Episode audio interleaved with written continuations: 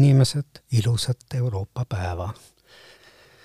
vahetevahel on selliseid daatumeid vaja, et natukene mõtiskleda, mõtiskleda Euroopa üle, meie üle, tuleviku üle ja temaatiliselt on ju lõputult võimalik mõtiskleda, mis iseenesest on ju väga meeldiv tegevus. ma mäletan neid emotsioone ja ka neid kirjutisi, neid on ikkagi üsna palju, mis eelnesid meie liitumisega Euroopa Liiduga.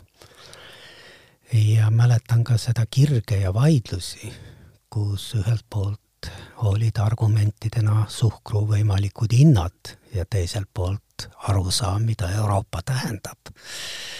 ja minu jaoks kaalusid need kindlasti, need üldisemad põhimõtted üle ka isegi selle potentsiaalse ohu, et suhkur võib minna kallimaks. tulemusena selgus, et nii hull ta ka ei olnud. aga miks see on oluline ja võib-olla tänasel päeval tunduvalt reljeefsemalt ka mõistetav, kui võib-olla tol ajal. see on see põhimõte, põhimõte, mis tähendab arusaamist Euroopast kui tervikust. Ja seda mitte niivõrd territoriaalses tähenduses, võrreldes siis nende arusaamadega, mida esindab Venemaa president Putin.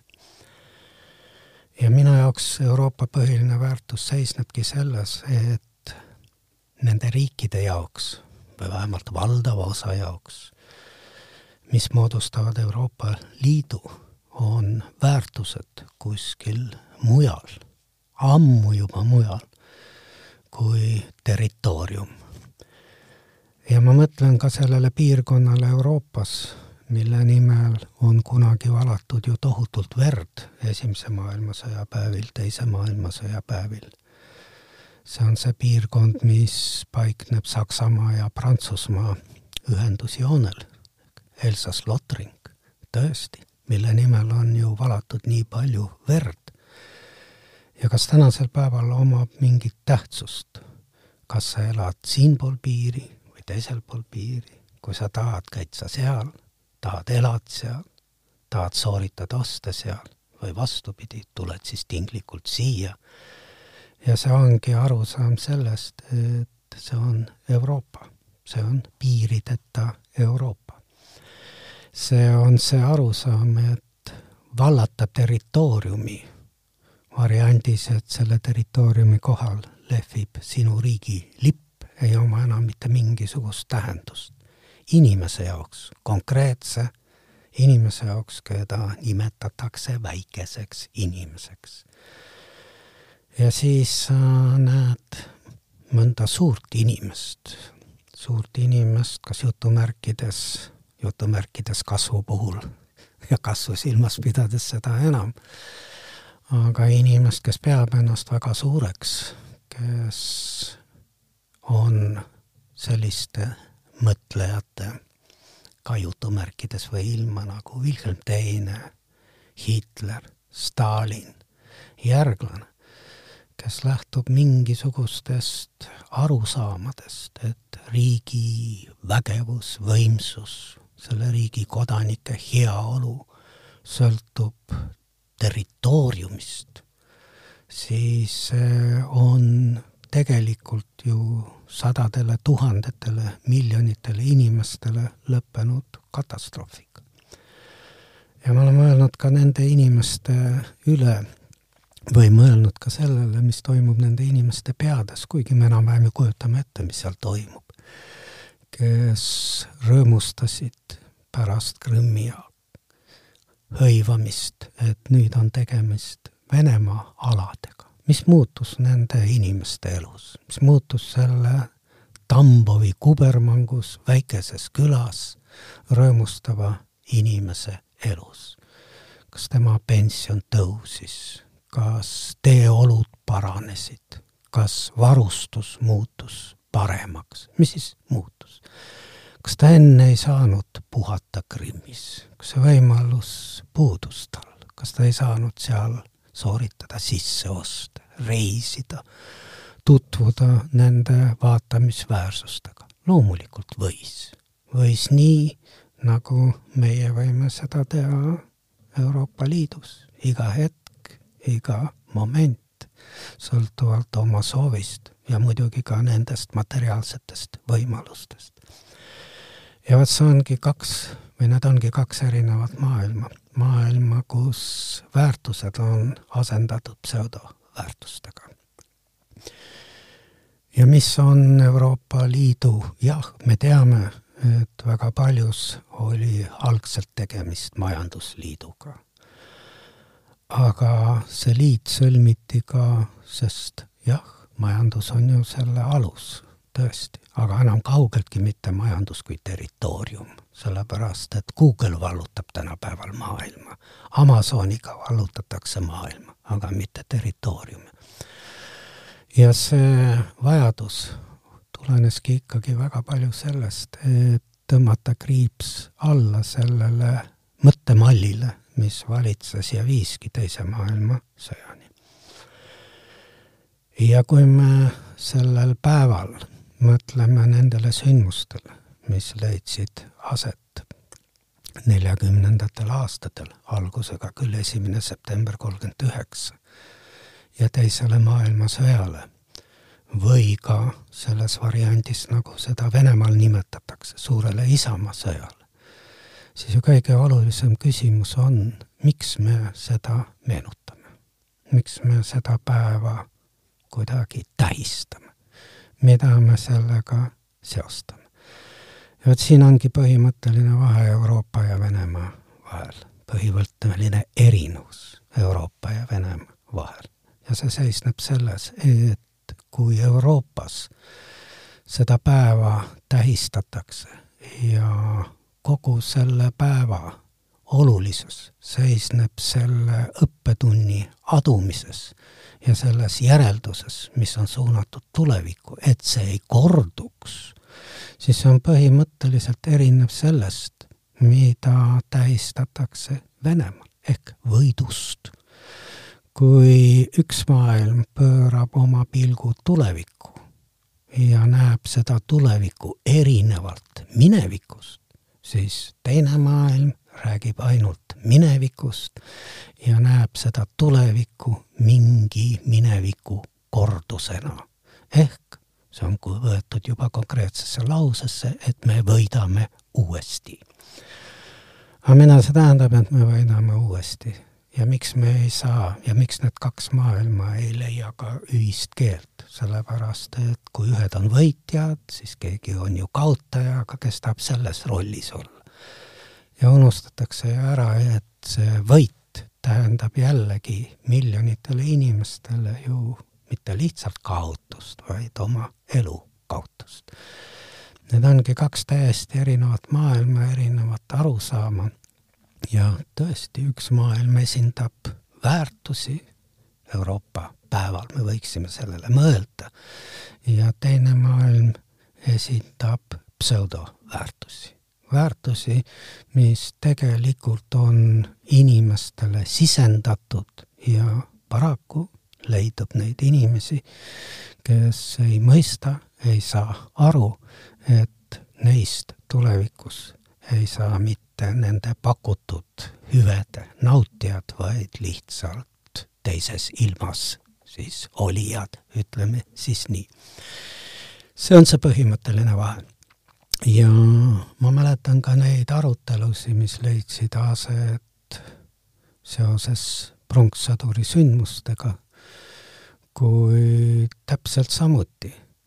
ja see on ka aktuaalne küsimus tänapäeval, et seda leppimist tulebki otsida tulevikus, tulevikuvariandi jaoks sest kui rääkida veel kord minevikust ainult kui mingisugusest võidust või ainult võiduvariandist, siis leppimist ei saa olla.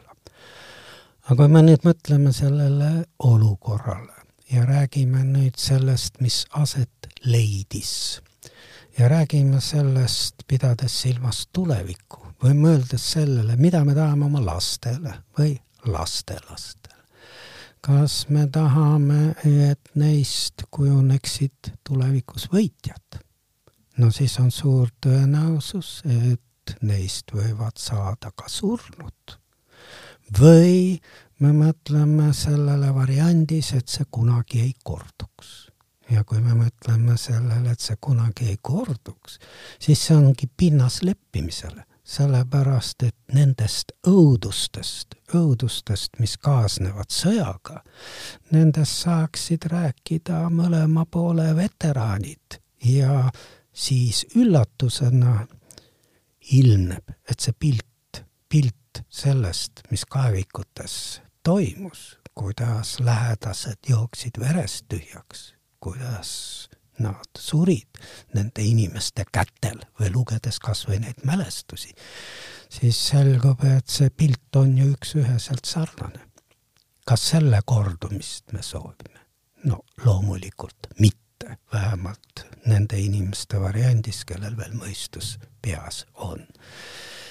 nii et see on minu jaoks kõige olulisem ja ma ei mõtle mitte sellele, jah, see on ju tõesti tunduvalt mugavam on reisida nii, et sa ei pea vormistama viisat ja võid liikuda siis takistamata ühest riigist teise. aga minu jaoks just nimelt see vabadus, vabadus ka, mis puudutab seda liikumist, see ei ole mitte niivõrd vabadus, mis otseselt seostub reisimisega, no selle ju üleb elab üle selle viisa hankimisega, vaid see on just nimelt hoopis teine arusaam sellest, mis on piir, mis on territoorium, mis on väärtused ja nii edasi. ja minu arvates see on kõige olulisem ja kõige väärtuslikum, mida Euroopa Liit meile võib pakkuda. Nüüd seoses Euroopa Liiduga ja eriti Euroopa Liidu laienemisega ja väga palju arutletakse ka selle üle, et otsuste vastuvõtmine on nii kohmakas, meid on seal nii palju, on arutelud, on erisused, tuntavalt mugavam ja vahel kasutatakse ka sõna efektiivsem oleks, kui me saame neid otsuseid ise vastu võtta, kui me ei pea kellegiga arvestama.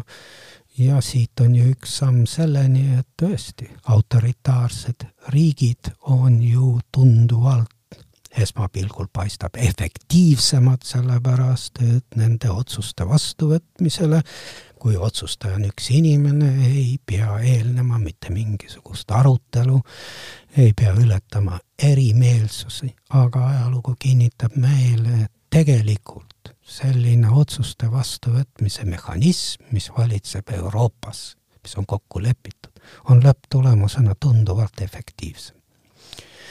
ja ei ole vaja ju kaugelt otsida näiteid, no kõigepealt puhtteoreetiliselt, kui otsuste vastuvõtmine toimub variandis ainuisikuline otsus, siis millisele loogikale tuginedes võib väita, et need otsused on õiged. tõenäosus on viiskümmend, viiskümmend, et need otsused võivad olla ju valed.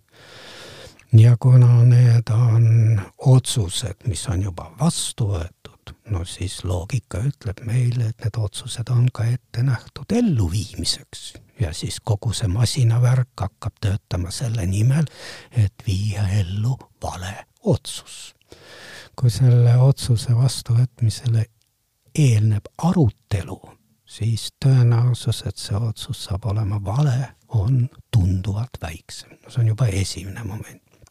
ja konkreetsed näited ajaloost, mis üks-üheselt langevad ju kokku tänase päeva sündmustega, see on näide Stalini otsus vahetult enne Saksamaa hitlerliku Saksamaa kallaletungi Nõukogude Liidule, kui see ei olnud ei Nõukogude Liidu luurele, ei paljudele teistele informeeritud institutsioonidele mingi saladus, kümned ülejooksikud kellaajalise täpsusega, millal Saksa väed ületavad Nõukogude Liidu piiri.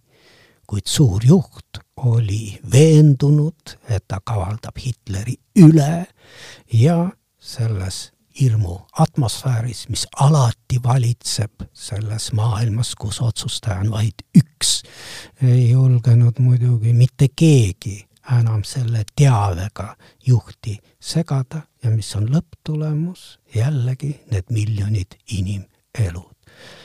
analoogia üks-ühene, paljud meist ju nägid seda kuulsat julgeolekunõukogu istungit Putini juhtimisel, kus oli ju selge ja tagantjärele on seda ka kinnitatud, et isegi lähikondlased polnud tema plaanist informeeritud ja võtta vastu niivõrd hullumeelne otsus rünnata Ukrainat, nii nagu ta seda tegi, jätame praegu kõik detailid kõrvale, saab ju tuleneda ainult sellest, et mitte mingisugust tõest informatsiooni sellele ainuvalitsejale, kelle peas oli juba kinnistunud idee, mitte keegi ei julgenud, ei tahtnud, ei suutnud anda ja siit ka otsus, mille efektiivsus, kui me nüüd lähtume otsustaja soovidest, on ju nullilähedane. ühtegi nendest eesmärkidest, mida ta soovis realiseerida, alates NATO laienemisest ja nii edasi, demilitariseerimisest, denatsifitseerimisest, need kõik jäid ju ja jäävad ellu rakendamata. tulemus on vastupidine hea näide sellest, et kollektiivne otsustamisviis on kordades efektiivsem ja paistab meile tõesti vahetevahel nurinat tekitav ja imestame selle bürokraatia üle ja neid võimalusi midagi muuta ja parandada ja lihvida lõputult, aga põhimõtteliselt laias laastus see, kuidas Euroopa Liidus otsuseid vastu võetakse, on veel kord kokkuvõtvalt tunduvalt efektiivne viis kui vastupidine variant, mida me nägime ja näeme praegu Venemaa variandis.